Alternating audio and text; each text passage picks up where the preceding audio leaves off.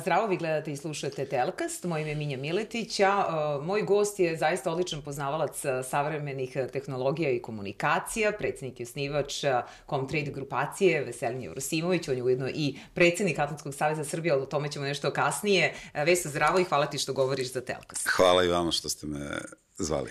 A, pa evo nekako čini mi se, evo to sam ti malo pre rekla da si ti zaista pravi gost za ovaj podcast s obzirom da se mi bavimo uticajem savremenih tehnologija na život i rad svih nas i um, utisak je moj da mi koji se ne bavimo uh, IT-em i tim savremenim tehnologijama, pogotovo tada 80. godina čini mi se nismo bili ni svesni koliko će se naši životi promeniti uh, i sa pojavom tih prvih kompjutera možda nismo ni znali, možda tek sa pojavom prvih mobilnih telefona telefona, ali ti si uh, znao, uh, pa me zanima šta je tebe opredelilo baš da se obrazuješ u, u tom smeru?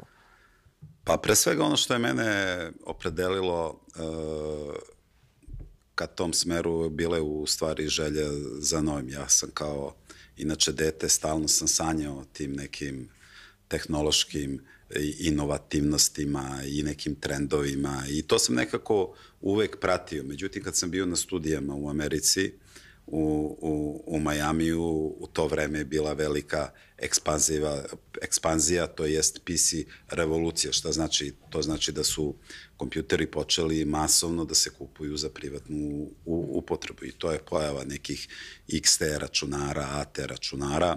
Ja sam sa grupom svojih prijatelja, drugara sa fakulteta, pre toga sam dva meseca sam radio u jednoj kompaniji koja se bavila sklapanjem e, i proizvodnjom e, računara, to je bila tajvanska kompanija. Da, tu sam negde gledala i ti si pričao da si bio u magazinu tako zapravo. Tako je, tu da. sam nekako shvatio šta treba da se radi i onda sam sa grupom mojih prijatelja počeli smo da kupujemo kom, po komponente, da sklapamo računare, da ih prodajemo prvo po...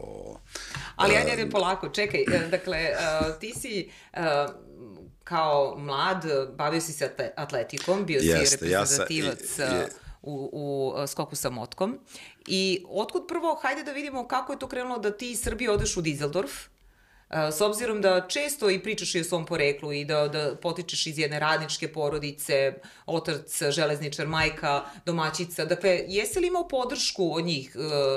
pogotovo tad u to vreme, dakle šta to predelilo baš da si ti odlučio da odeš uh, Pa ja kad sam se, prvo da, kako sam se odlučio za taj sport. Dobro, Gledao ajde. sam olimpijadu i tada je jedan najboljih skakača s Motkom Kozakijević uspio je da pobedi u sred Moskve u disciplini u kojoj su Rusi dugo godina bili dominantni. I, i onda mi se dopao taj njegov pobednički gest i ja sam sutradan uzao biciklu, otišao na Zvezdni stadion i upisao se i počeo da treniram baš tu mm -hmm. disciplinu. A onda... Imao se predispoziciju, ti kad si otišao, su ti odmah rekli, može, vi ste baš predodređeni za taj sport? Jeste, ili... jeste. Pa nisam baš bio predodređen, ali je logično kada ideš na atletiku, onda ideš na opštu atletiku, Aha. pa onda oni tamo sagledavaju zašta si i usmeravaju te. Međutim, ja kad sam došao na uh, atletski stadion Crvene zvezde, otišao sam, tražio sam baš to i onda me trener pitao, čuveni Bože Janković, profesor, zašto baš hoćeš skok sa motkom? Pa rekao, gledao sam na televiziji. Aha, a onda me on pitao, znaš da uradiš salto unazad? I on rekao, znam, međutim, nikad ga pre toga nisam probao. On kaže, stani nove dušake i pokaži mi. I ja stanem na dušake, skočim, padnem na vrat, ubijem se i on kaže, dobro je, dovoljno si lud, možeš da treniraš ovu disciplinu. Eto, dakle, to je bio uslov, da. Eto, tako je to krenulo. I posle toga dobro, ja sam vrlo brzo počeo da nižem uspehe i u, juniorskoj, i u pionirskoj i u juniorskoj selekciji i onda sam po završetku srednje škole, to jest kad sam se vratio iz vojske iz uh, Slovenije, sa 19 godina otišao sam u LG Dizeldorf, atletski klub, tamo sam bio nekih tri meseca i posle toga sam dobio scholarship na univerzitetu u Majamiju. Mm -hmm. Tako I da sam ispričaj, ja... kako je taj tvoj prvi dolazak kada si došao u, u Majami?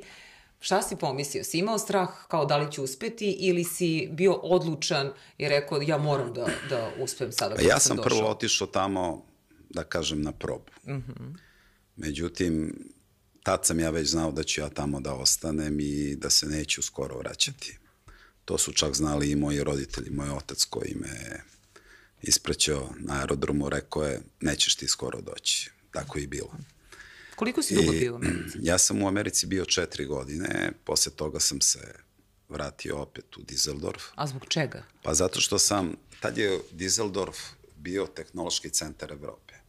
Mi smo već, ta firma koju sam ja osnovu sa trojicom još mojih prijatelja, ona je već, to je već bila, mi smo već dve godine bili u biznisu. Ja Koliko sam si imao godina? Na, ja sam na drugoj godini, ja sam sa 20 godina počeo da trgujem sa kompjuterima. I tad sam već imao maltene 22, skoro 23 godine, uh, kad sam odlučio da ja i taj moj partner Aleksis Lope Belo, da se prebacimo u Dizeldorf i da tamo otvorimo uh, branch office naše kompanije iz Čekaj, Majamija. Ti si dakle napustio studije, rekao si ok, ovo je budućnost i vratio si se, ali ti je bilo potrebno taj neki, kako bih rekla sad, ajde, ja nisam preduzetnik, nisam biznis, uh, ne, ne bavim se biznisom, ali taj prvi početni kapital, si imao strah da li ćeš uspeti ili nećeš uspeti? Pa, Mislim, bio si mlad, pa ali možda je ta mladost nismo, i daje na toj hrabrosti, imali, verovatno. E, ja recimo nisam imao gde. Mm -hmm. Mislim, ja sam se jedino držao toga i to je bio moj izvor e, primanja i izvor e, finansiranja. I ja sam duboko verovao da ću da uspem u svemu tome. Na kraju krajeva, ako ne verujete u ono što radite, a to opet sve treba da zahvalim atletici. Znate, atletika je, kako se kaže, meni dala sve ono što mi je u stvari bilo i potrebno za biznis u tom momentu, a dala mi je tu fanatičnu upornost. Aha. I... Dobro, to je važno sad i za ove ljude koji će gledati ovaj podcast, koji počinju možda taj neki svoj biznis, šta je važno da bi Da Kako da ne, bitno je samo da ne odustajete. Mhm. -huh. Što kažu, nemoj nikada da odustajete od svojih snova. Pa to, da. I I ti kao mlad, dakle 22 godine, vraćaš se u Dizeldorf? Jeste, vraćam se u Dizeldorf, pravimo uh, firmu, to jest uh, registrujemo firmu u Nemačkoj, iz Nemačke počinjemo da otvaramo uh, u, u drugim zemljama male firmice, znači kako god da se Znači, ako smo zaradili neki novac, mi smo taj novac ulagali u druga tržišta i u druge zemlje. Tako da sam ja već sa 25 godina, mi smo imali 50 uh, firmi po belom svetu. Pa svaka čast. I, A bilo teško i, ubediti druge ljude, nekako poslodavce da sarađuju sa vama s obzirom pa, da, to je, da si bio mlad? Ja sam dosta bio izgledao sam mlađe od svoje generacije. Pogotovo sa 22 godine ja sam izgledao kao da sam tek izašao iz srednje škole ili s 23 godine. I to mi je bio jedan od najvećih problema. Međutim, ja opet želim da kažem, mi smo čak bili prva generacija poslovnih ljudi koji su izašli iz odela i kravate. I jednostavno vodili smo biznis u patikama i u džinsu. I, i, I dosta je bilo teško razbiti te neke tradicionalne norme koje su vladale u to vreme, pa čak i u Nemačkoj i u Americi, gde sinonim uspeha su bile tada velike kompanije, kao -hmm. što je IBM, kao što je Hewlett Packard, oni su bili onako vrlo tradicionalni, teški, morao je da se poštuje dress code -hmm. i tada i onda do, dođu vam neki klinci tamo u džinsu i u patikama i krenu da rade isto što, što, što i, oni, su i da, oni radili. Da. da. Ali dobro, mislim, prve tri godine je zaista bilo teško i ja sam tu shvatio i moj savjet je svima, kogod želi nešto da radi, kogod želi privatno da se bavi, mora da istraje. Mm. Mora, jel kao i u sportu, ne možeš da e, ne možeš da naučiš da pobeđuješ ako ne naučiš da gubiš. Da. To. I moraš, boga mi, dosta puta da izgubiš da bi na kraju, da bi na kraju dobio. Mm -hmm. Nisi nikada tada razmišljao uh, kao, ma ne mogu, kao, evo, ne, nemam sreće u tome ili, nisi razmišljao možda da, da odustaneš? Ne. Bilo je teških momenta. Pa to, da. Bilo je momenta kad nisam znao sutra šta ću da jedem i čime ću da se prehranim, jer sam imao bukvalno par dolara u džepu. Međutim, to me nije obeshrabrilo. To me čak još više ojačalo i mogu slobodno da kažem da sam sad, ono, što se kaže, da, tokom celog tog mog poslovnog puta, moje telo je puno ožiljaka od raznojakih kriza. Pričat ćemo I... o tim krizama uh, Naravno. Ne, nešto, nešto kasnije, ali me zanima, dakle, uh, posle Dizeldorfa ti se opet vraćaš, ti se vraćaš u Srbiju. Ne, posle uh, Dizeldorfa mi smo u, u, dok sam bio u Nemačkoj, naša kompanija je bila druga u svetu u distribuciji kompjuterske opreme. Bili smo public kompanija na Nasdaqu, e, imali smo godišnji obrt od 12,5 milijardi dolara i onda sam tamo 95. 6. ja odlučio da izađem, da prodam akcije svoje firme, jer sam smatram da smo dotakli onako što se kaže, neki mak, Ali maksimum. Ali osnovan?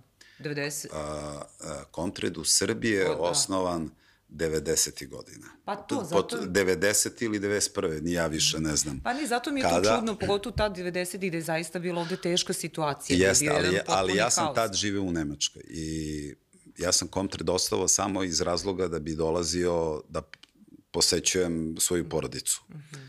Jer tada apsolutno nisam imao nikakvog razloga da budem u Jugoslaviji, tad je bila Jugoslavija. I malte ne Comtred od 90. do 95. 6. on jeste radio, ali on je tek počeo ozbiljno da se razvija s mojim povratkom. Jer ja kad sam prodao akcije e, te moje prve kompanije, ja sam prvo mislio neću ništa da radim, penzionisat ću se. Među. I onda on kad sam došao, onda su me uhvatili, e, ajde malo da probam. O, ajde probaj. I nekako sam se onako uvukao i drago mi je zbog svega toga. A jel, zašto si se tada odlučio jel, šta da bi prodaš? Onda, uh mhm. -huh. Šta bi onda, radio. šta bi radio kad ne bi radio ništa? Pa da, mislim da i da, to, kad čovek je. ne radi, to je... I tu sam shvatio da se nikad neću penzionisati. Aha. Znači, dokle god bude mogu da radim, dokle god bude mogu da se bavim ovim poslom, bavit ću se. Uh mhm. -huh. A zašto si prodao tada akcije? Pa prodao sam akcije zato što je firma toliko narasla, mi smo bili public kompanije, u jednom momentu dođete u situaciju da ne možete više, se kaže, vaše dete da kontrolišete. Mm -hmm. Jednostavno, sa njim je upravlja neko drugi, upravlja board direktora, upravljali su ljudi koji su znali ono da vode posao samo preko knjiški, onako, preko, preko papira, nisu znali, nisu osjećali taj biznis kako treba i u jednom momentu kad sam se okrenuo levo i desno, ja sam video da oko mene na boru direktora sede ljudi s kojima mi nismo počeli posao. Sad neki drugi ljudi, ljude koje ja ne poznajem, ljudi ko, koje samo, koji su samo gledali tada Excel table, tabele i onda sam shvatio da je to vreme da, da izađem. I drago mi je što sam uh, to uradio. A šta je bio sa tvojim partnerom s kojim si osnovno? Oni su, oni su i dalje ostali. A, i dalje su. A oni su u komunikaciji Oni sa... su i dalje ostali, pa jeste, recimo ovaj Alexis Lope Belo o kojem sam ti sada pričao. On je sada CEO cele, celog mog komtreda. Aha. Tako da pa dobro. njega dakle, sam njega sam povukao, da, njega sam povukao iz penzije mm -hmm. iz Švajcarske kad je bila ona ekonomska a, kriza, nagovorio ga da dođe u, -hmm. u, u Beograd i da sedne na čelo Komtrida. I kada si došao tih 90-ih godina, odnosno sredimo to 95. 6. stvari tad si prodao te, te da. akcije, kako izgledalo to vreme, govorim, za biznis? S obzirom da se ostalo bilo jezivo teško. I embargo, i inflacija, pa, kasnije bombardovanje. Šta je mene vratilo? Mene vratila nostalgija, pre svega. 96. godina, to su bile godine kad su se skinule, ukinule su se sankcije i ja sam nekako, pošto sam mlad otišao, onda mi je zaista bila, uvek mi je želja, znači kad god sam dolazio Uh, pošto tad kad sam živeo i u Dizeldorfu, kad god sam dolazio za Beograd, ja sam uvek patio što mora da se vraćam nazad. I onda sam sebi rekao, dobro, da li ti želiš ovako da živiš ceo život? A, opet, s druge strane, svi ti ljudi naši koje sam upoznao e, i po Nemačkoj i u, po Americi, svi su imali samo jedan san. A taj san je da se vrate nazad u svoju zemlju. I onda sam rekao, dobro, da li ćeš ti da živiš ovako kao i svi oni, da ceo život sanjaš i da ništa ne preduzmeš da. po tom pitanju. Uh, Veso, dakle, uh, i tada kada si, 96. zapravo si se uh, vratio onda u, Jeste. u Srbiju, definitivno. Tad sam, se, tad sam se vratio u Srbiju i tad sam preuzeo Comtrade. Mm -hmm. Preuzeo sam ja da ga vodim i da ga širim. I naravno, meni je vrlo brzo trebalo da podobijem sva ta zastupništva, jer ljudi su me ono, uglavnom i ljudi i firme i, i, i, i, i vodeći u tim firmama su znali šta mogu da napravim i uh -huh.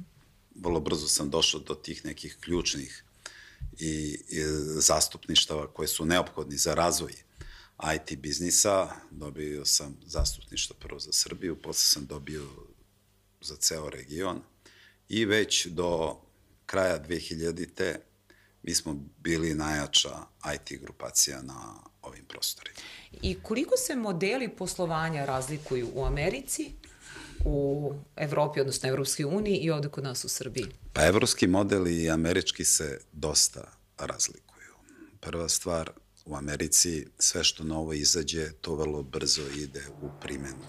Mm -hmm. Znači, država je otvorena ka novim tehnologijama. Mm -hmm. Kod nas to uh, u Evropi i nije baš to slučaj iz prostog razloga što uh, jednostavno i taj neki finansijski model evropski, znate, u, u Evropi ako vaša firma radi u minusu, ona je gubitaš i u tu firmu niko neće da uloži, dok u Americi jednostavno oni gledaju potencijal. Znači, bez obzira da li ste u minusu, bez obzira da li ste u startu, uh, nemate idealne rezultate, oni gledaju vaš potencijal i taj potencijal se uh, finansira. Tako pa, da je tu velika nekako, razlika, da, velika razlika da je, okay je između evropskog i, i američkog mm. uh, modela. Ja imam isto firme u Americi i mi tamo poslujemo ono malte ne na njihovom tržištu i što se kaže po njihovim standardima. E sada, tada do 2000. godine, kakva je bila situacija kod nas u Srbiji kada reč o tim savremenim tehnologijama? Tada su već pojavili mobilni telefoni, e, kompjuteri i tako dalje, ali kako je bilo tržište? Koliko uopšte si ti prepoznao tada među ljudima da će zaista, da je to budućnost zapravo? Jesmo li mi bili svesni? Ti jesi, ali u komunikaciji možda pa jeste, sa drugim ljudima. Pa jeste, ali tržište tad kao tržište i nije bilo svesno. Recimo, tad ste tačno znali šta su IT kompanije, e, kompanije koje se bave informacijnim tehnologijama, a šta je sve ostalo. E, međutim, danas ta razlika je nestala. E, danas je svaka kompanija IT kompanija. Danas je svaka kompanija tehnološka kompanija. Danas firme koje su iz tog nasleđa, one moraju tačno da definišu sebi e, određene oblasti u kojima će da deluju. -hmm. Jer jednostavno ne možete, bez obzira, iako ste tehnološka kompanija, ne možete svim i svačim da se bavite. Mm -hmm. Jer, A se Comtrade je... opredelio, dakle, sada, šta je, na primjer, ta neka oblast trenutno vezano za, za Comtrade? Gde ste najjači? Uh, mi smo se, ja uvek volim da kažem da uvek treba gledati ka horizontu. I mi smo uvek gledali šta je to na horizontu što se javlja, što ono što se kaže što sutra može da predstavlja neki trend, jer u ovoj šumi tehnološkoj vi morate da nađete pravi put. -hmm. Znate, ako nemate viziju i ako nemate talenat i ako nemate upornost koja je kombinovana sa znanjem teško da ćete moći da izađete iz te šume. I mi smo nekako uvek gađali te neke trendove koji su se tek javljali na horizontu, tako recimo mi smo veštačkom inteligencijom počeli da se bavimo još pre 10 godina. Aha. Evo danas svi pričaju pa svi o veštačkoj pričamo, da, i to već ćemo i mi sada da pričamo, jeste, Počeli da. smo pre 6-7 godina, firmu mhm. -huh. smo okrenuli ka cyber security, time se isto bavimo. Mhm. -huh. Evo danas je cyber security Pa to je važno. Neizostavan to, da. deo... Bilo u svake firme, ja mislim. Tako je, svake, mm. svake kompanije. Da. Uh, s druge strane, okrenuli smo se malo i zelenim tehnologijama. Mm -hmm. Samim tim, Comtred kao Comtred je postao, uh, postao je zelena kompanija. Šta to znači? Kod nas nema plastike uopšte.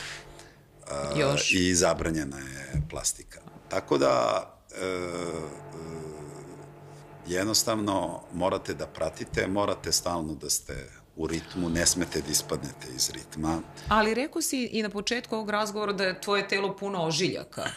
Dakle, Jeste, i da. da je bilo zaista i teških momenta. Pa koji su to teški momenti? Jeste. Pa najteži moment, e, bilo ih je dosta, ali najteži moment je bila ta ekonomska kriza koja je bila 2008. 9. godine.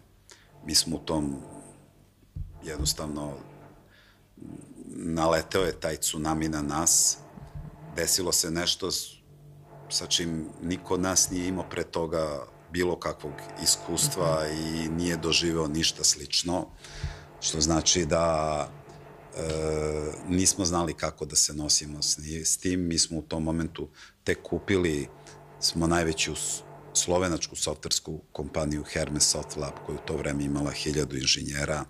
Naš fond plata tad je bio 10 miliona eura mesečno. I 10 miliona eura mesečno. Kriza, kriza je prvo udarila po IT kompanijama i po softverskim kompanijama. Znate, kad je, kad je kriza takvih razmera, onda ljudi razmišljaju sa softverom mogu da sačekam, sa hardverom mogu da sačekam, tako da i mi smo izgubili dosta kupaca u tom momentu. Pa da, vratno su ljudi nisu ni želeli više da, da kupuju, da... I naravno, ja sam tad morao da zasučem rukave, da se ponovo vratim u rudnik. Dve godine smo onako, baš smo, baš smo krvarili i to dosta smo krvarili. Je bilo onih koji su oko tebe odustali, otišli? Mnogi su odustali, da? mnogi su nas napustili.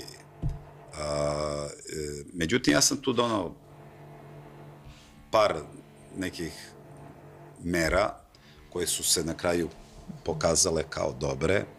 Prvo, ja nisam teo da otpuštam radnike. Rekao sam, niko neće biti otpušten. Ako ste sa mnom bili u dobrom i kad je firma rasla i kad je bila uspešna, bi, zajedno ćemo biti u ovim lošim mm -hmm. momentima. Ali kogod želi da napusti, niko ne sme da ga zadrži. Mm -hmm. Jer mi je na kraju bio potreban tim ljudi koji je sposoban da iznese i da se uhvati u koš, kostaš sa, sa ovakvom uh, krizom. Tu sam čak izgubio i prvu liniju menadžera. Aha. Međutim, svaka uspešna firma mora da ima jednu stvar, a to je mora da ima jaku klupu. Jer u košarci ne dobijaju utakmicu prvi pet igrača, nego dobija i jaka, i jaka klupa. Tako i u biznisu isto. Ja sam malte ne preko noći doveo novi menadžment, doveo sam krizni menadžment, uradio sam sve suprotno što su mi finansijske organizacije savetovale, savetovale su mi da otpustim 40% ljudi, ja sam rekao to ne dolazi u obzir. I onda sam rekao, ajde sada da uložimo to svo naše znanje i onako prodaje nema, neke velike, da napravimo te neke softverske proizvode, da, da ih izgradimo. I onda smo se bacili na to i posle dve i po godine mi smo imali već na našim policama brdo nekih uh, proizvoda, softverskih modula koje smo mogli i tekako dobro da mm. uh, komercijalizujemo. Naravno, došao je jedan veliki kupac, drugi veliki kupac, treći veliki kupac. Ali da, čini mi se... I da tako smo polako izašli, izašli iz krize. Iz krize da. da. I čini mi se onda da, da taj uspeh nakon takvih uh, kriza zapravo još lepši uh, kada zaista prebrudiš uh, pa tako jeste, teško, ali, ali dobro, izgubiš i živce. Kažem, iskreno ti kažem, ne bi volao da, da se ponovi. Naravno. Mada smo sad spremni, sad imamo iskustvo, sad imamo znanje. A kako sada na, na, na IT firme utiče, evo sad i ovaj rat u Ukrajini gde je pogodio ceo svet, dakle, i što se tiče ekonomije i svega ostalo, pa i korona, dakle, i to, ali čini mi se da tad u koroni je sve što je online, da, da je zapravo tu ste doživali ekspanziju, možda grešim, ne znam, ispravi me. Pa, e, jeste, korona je, korona je ono što se kaže ubrzala nekako taj proces. Međutim, tom, tom nekom tehnološkom razvoju, u ovoj tehnološkoj revoluciji koja je pro, počela, e, IT revoluciji koja je počela krajem uh, negde sredinom 70-ih, uh, do danas, mi smo tek na 5%.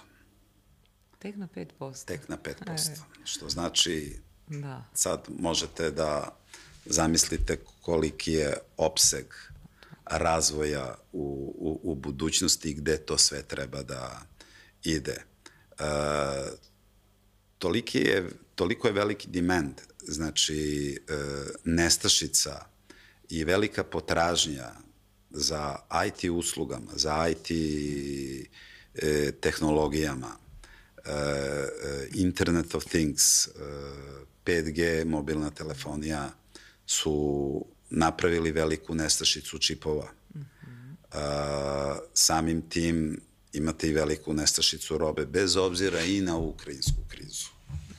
E, jer trenutno potražnja e, za IT kadrovima je 60%.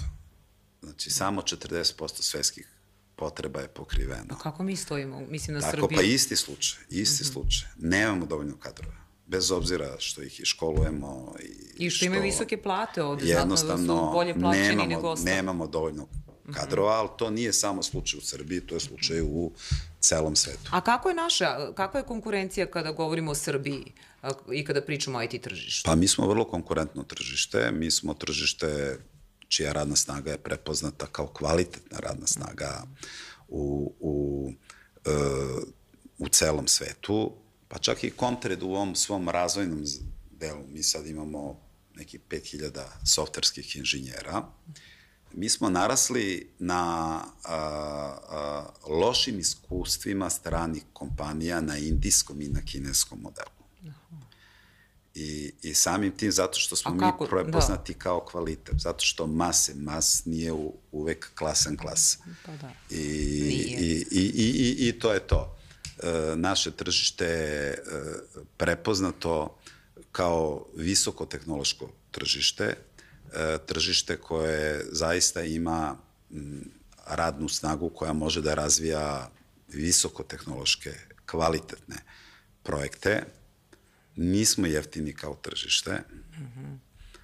Naš inženjer danas košta maltene kao i bilo gde u Evropi. Znači, cena radne snage nije... I, i to je tačno, ja sam, ja sam pre 10 godina... Radna snaga. Tako, znači, ja sam pre 10 godina, -hmm. pre 15 godina, sam uved, uvideo sam u kom smeru ovo ide. -hmm. I uvi, uvideo sam da ćemo se za 15 godina suočiti sa velikom kadrovskom krizom. Iz tog razloga, ja sam pre 15 godina zajedno sa uh, Valentinom iz Link grupe, mi smo napravili prvo srednju školu za informatiku, pa smo napravili i fakultet za informatiku i danas imamo ozbiljnu bazu kadrova. Međutim, i pored te baze, mi smo uvek hronično u minusu 300 inženjera. Pa da. Pa da, to je veliko, ali i pogotovo, evo sad i kad pričaš i o tom obrazovanju, čini mi se, ne znam sad koliko uopšte se te buduće generacije obrazuju uh, kada pričamo o ovim svim savremenim tehnologijama. Dakle, kakav je tvoj... Pa ono što je dobro, dobro je što informatika već ušla uh -huh. u mhm. osnovne škole i naša deca su poprilično informatički pismena. Dosta njih me pita da li si ti za to, da li malom detetu treba dati tablet i mobilni telefon ili ne. Ja sam uvek za to, znate, ali uvek imate alate s pomoć kojih morate da. i, i treba da kontrolišete vaše dete, jer on, jer on će na kraju da živi sa tim.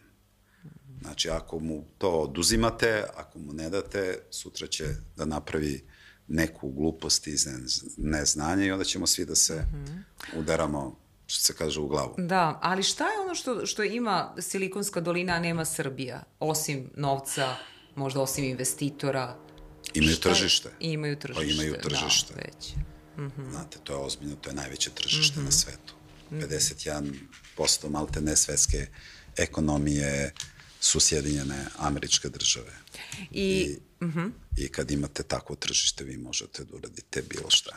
Da, i pomenuo si veštačku inteligenciju, eto, zapravo tvoja kompanija već si počeo da radiš na tome kad pre 10 godina. Jeste, tako I tu je. postoje različite škole mišljenja. Neki podržavaju to, neki imaju strah. Postoje različite teorije e, zavere vezano za veštačku inteligenciju. Da, će, da li će uništiti čovečanstvo? Postoje razno razni apokaliptični filmovi i tako dalje.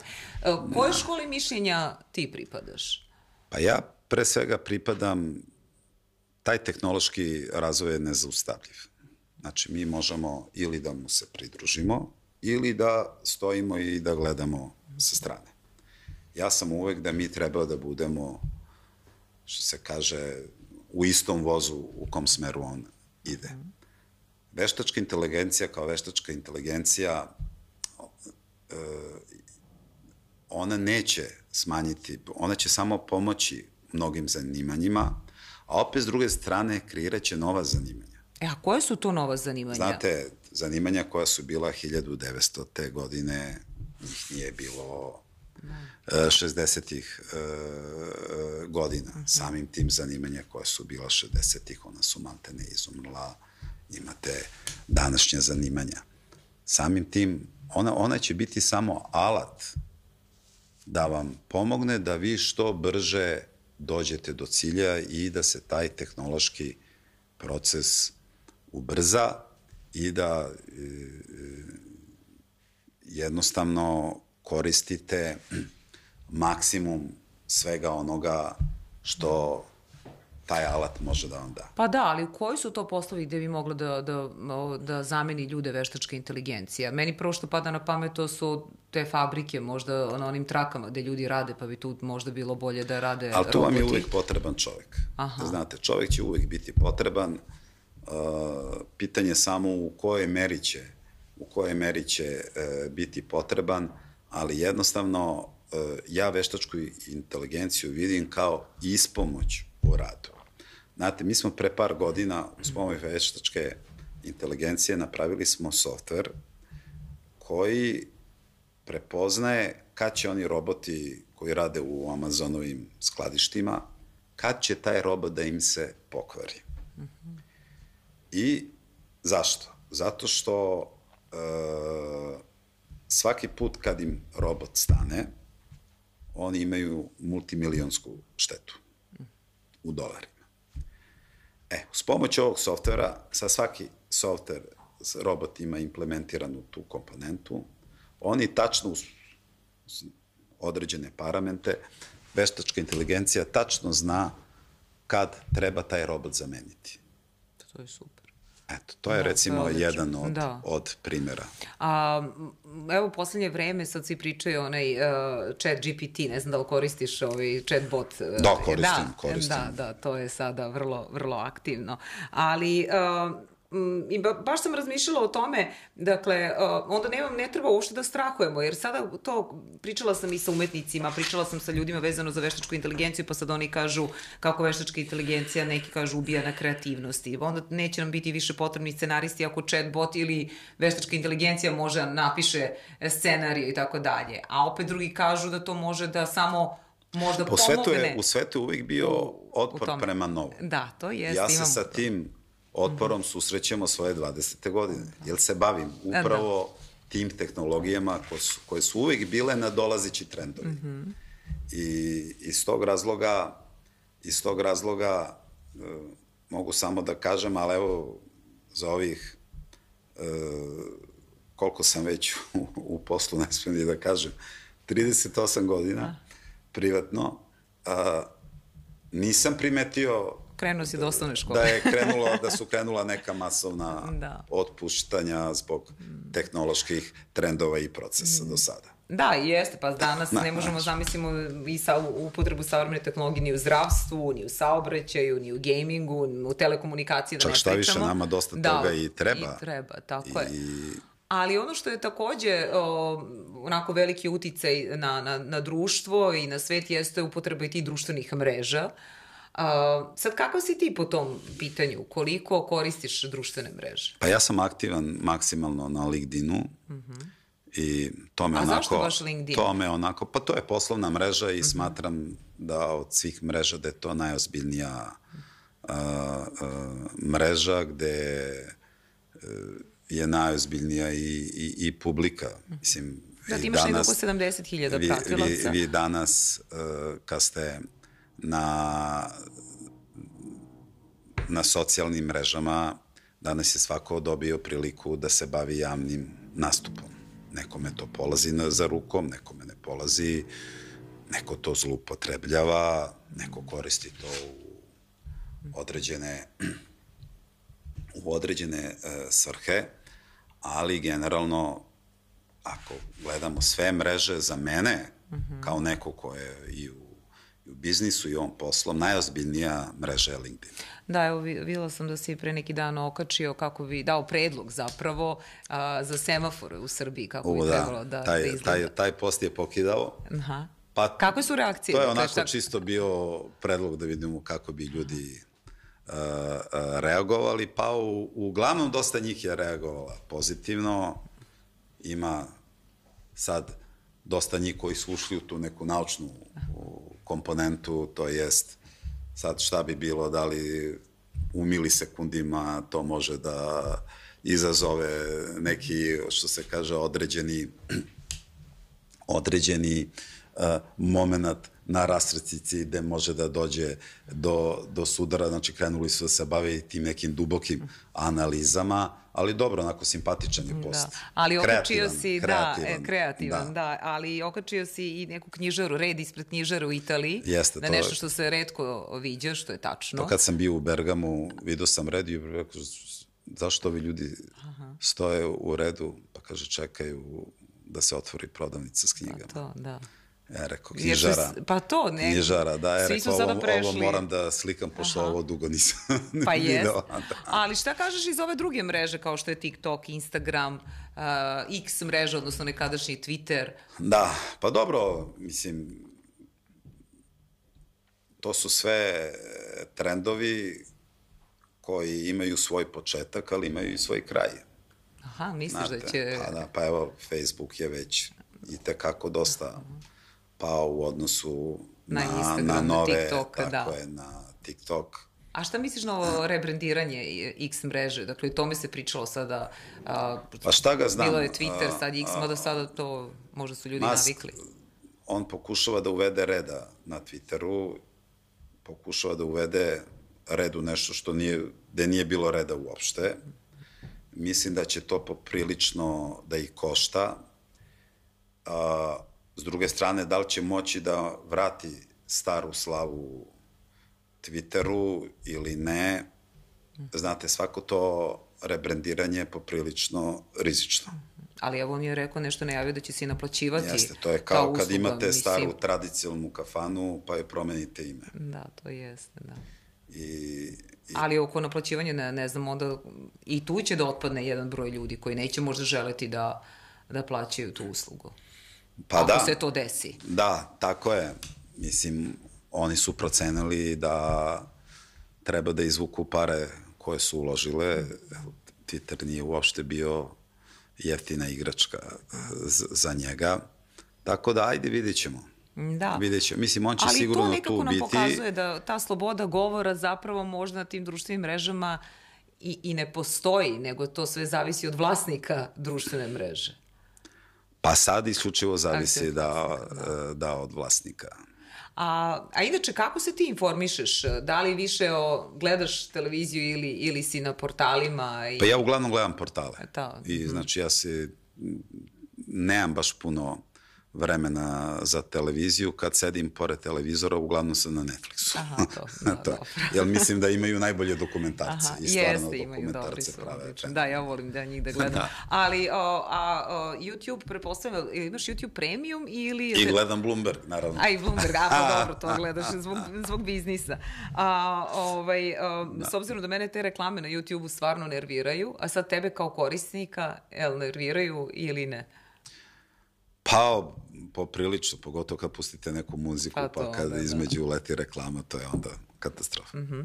I ne mogu naravno da u ovom razgovoru ne pomenem a, atletiku već 14 godina, dakle, da. eto, predsednik Atletskog saveza Srbije sa sjajnim rezultatima, a, najuspešnija naša atletičarka Ivana Španović, a, odnosno sada već Vuleta, a, Ali svaka čast na tome. Nije, nije bilo I ja često lako. puta pogrešim prezime. Je li tako? Da, pa dobro, navikli smo. smo ovaj, navikli na Španović pa i onda... Pa to, da.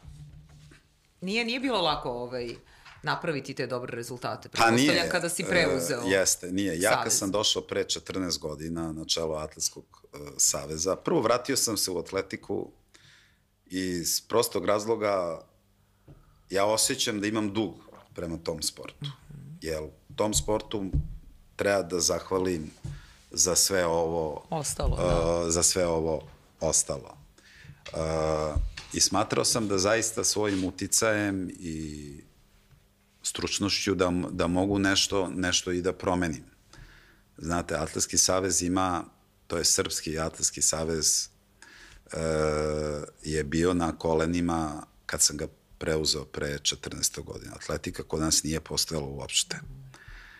A mi smo imali samo dva atletska stadiona sa atletskim stazama. To su bili stadioni Zvezde i Partizan, kojih je samo jedan u to vreme imao upotrebnu dozvolu, što znači da su mogla da se organizuju takmiče na, na njemu.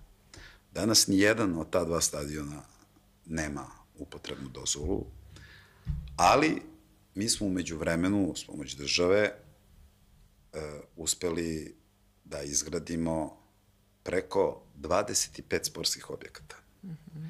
Izgradili smo preko 25 atletskih staza, imamo tri atletske dvorane, što pre toga nismo imali, jer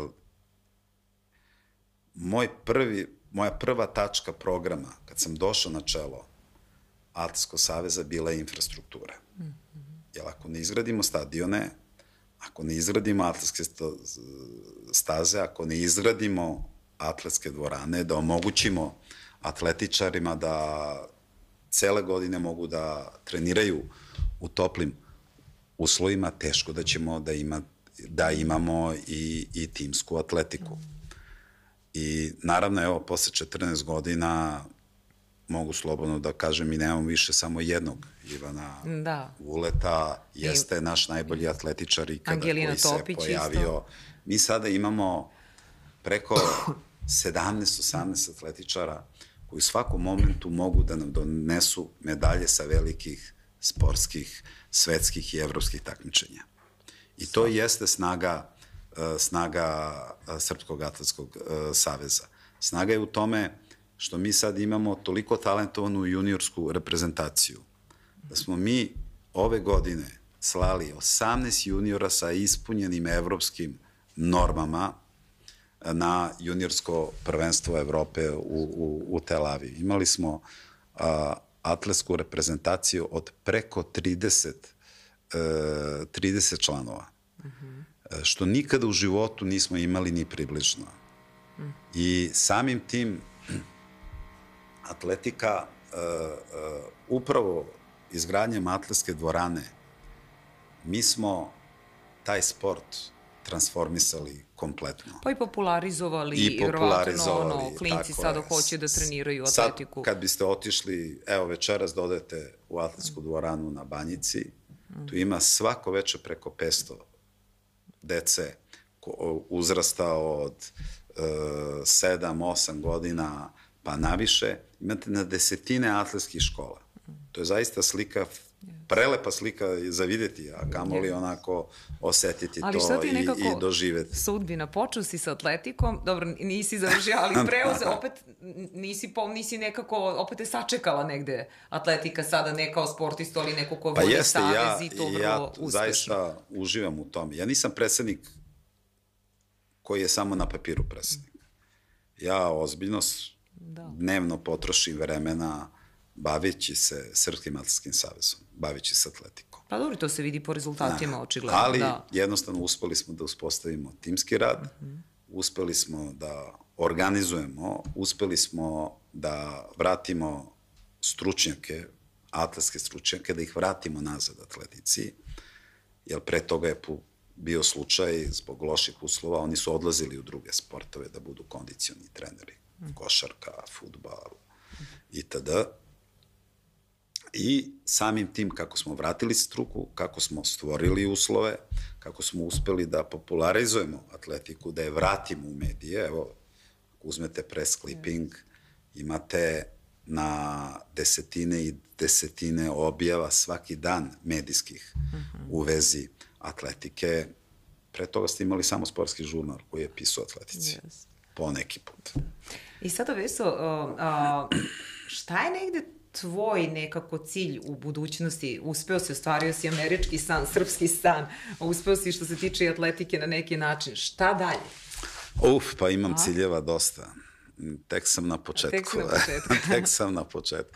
Znaš, ja sam kao malo dete, ja volim te start-up uh, kompanije i volim da od startapa da izgradimo zaista nešto što će sutra biti prepoznatljivo. I ja sam uvek u tim manjim projektima sada, Comtred kao Comtred, to je ozbiljna mašinerija koja radi, koja ima i svoj menadžment i svoj tim. Ja sad kad bi otišao da me nema tri godine, firma bi isto, yeah. isto Pa jel, odlaziš radila, često na odmore ili ne? Mi smo sada sa Comtredom prisutni u 30 zemalja u, u svetu. Ali ja uvek imam neku onako, što se kaže, svoju igračku za koju se uhvatim, ja sam u tome i dokle god sam u tome, ja jednostavno zaboravim sve što je iza mene, jel? Ali odmaraš, uh, Ja se biznisom pre svega bavim sportski, Aha. znaš. Pa meni, dobro, eto, to meni, je taj sportski duh koji imaš u sebi. Meni nije primarno ni zarada, ni, nego jednostavno uh, primarno mi je zaista da budemo uspešni u onome što radimo. Jel odmaraš nekad? Pa odmaram, da. Znači, Imam momente, da, nisam ja neki, sada da kažem, workoholik, ja mislim da uh, dobar menadžer, on ne treba puno da radi. On treba bude dobro organizovan. To jest. E sad, da pređemo na ova brza pitanja, samo kratko. PC ili MacBook? PC. Tesla TV ili LG ili Samsung? Tesla. Mada i ova dva brenda su mi draga, ali... Dobro, biraš što? Tesla, Dobro. uvek Tesla. Twitter ili Facebook? Twitter. TikTok ili Instagram Reels? Mm, pa, ajde da kažem, bliži nam je Instagram. Uh mhm. -huh. Instagram. Dobro. Atletika ili neki drugi sport? Atletika. Netflix ili HBO Max? Netflix. Netflix ili Disney+. Plus? Netflix. Dobro. Uh, Barbie ili Oppenheimer? Ne znam da li si gledao, s obzirom da ja mislim da ova godina obeležila nisam dva gledao, filma. Nisam nijedan. gledao. Ja sam gledala oba. Aha, nisam gledao nijedan. Dobro. Ali pogledat ću. Pa ću Glas... naknado da ti e, javim. To, to. da. glasovne poruke ili SMS? Pišeš ili... ili...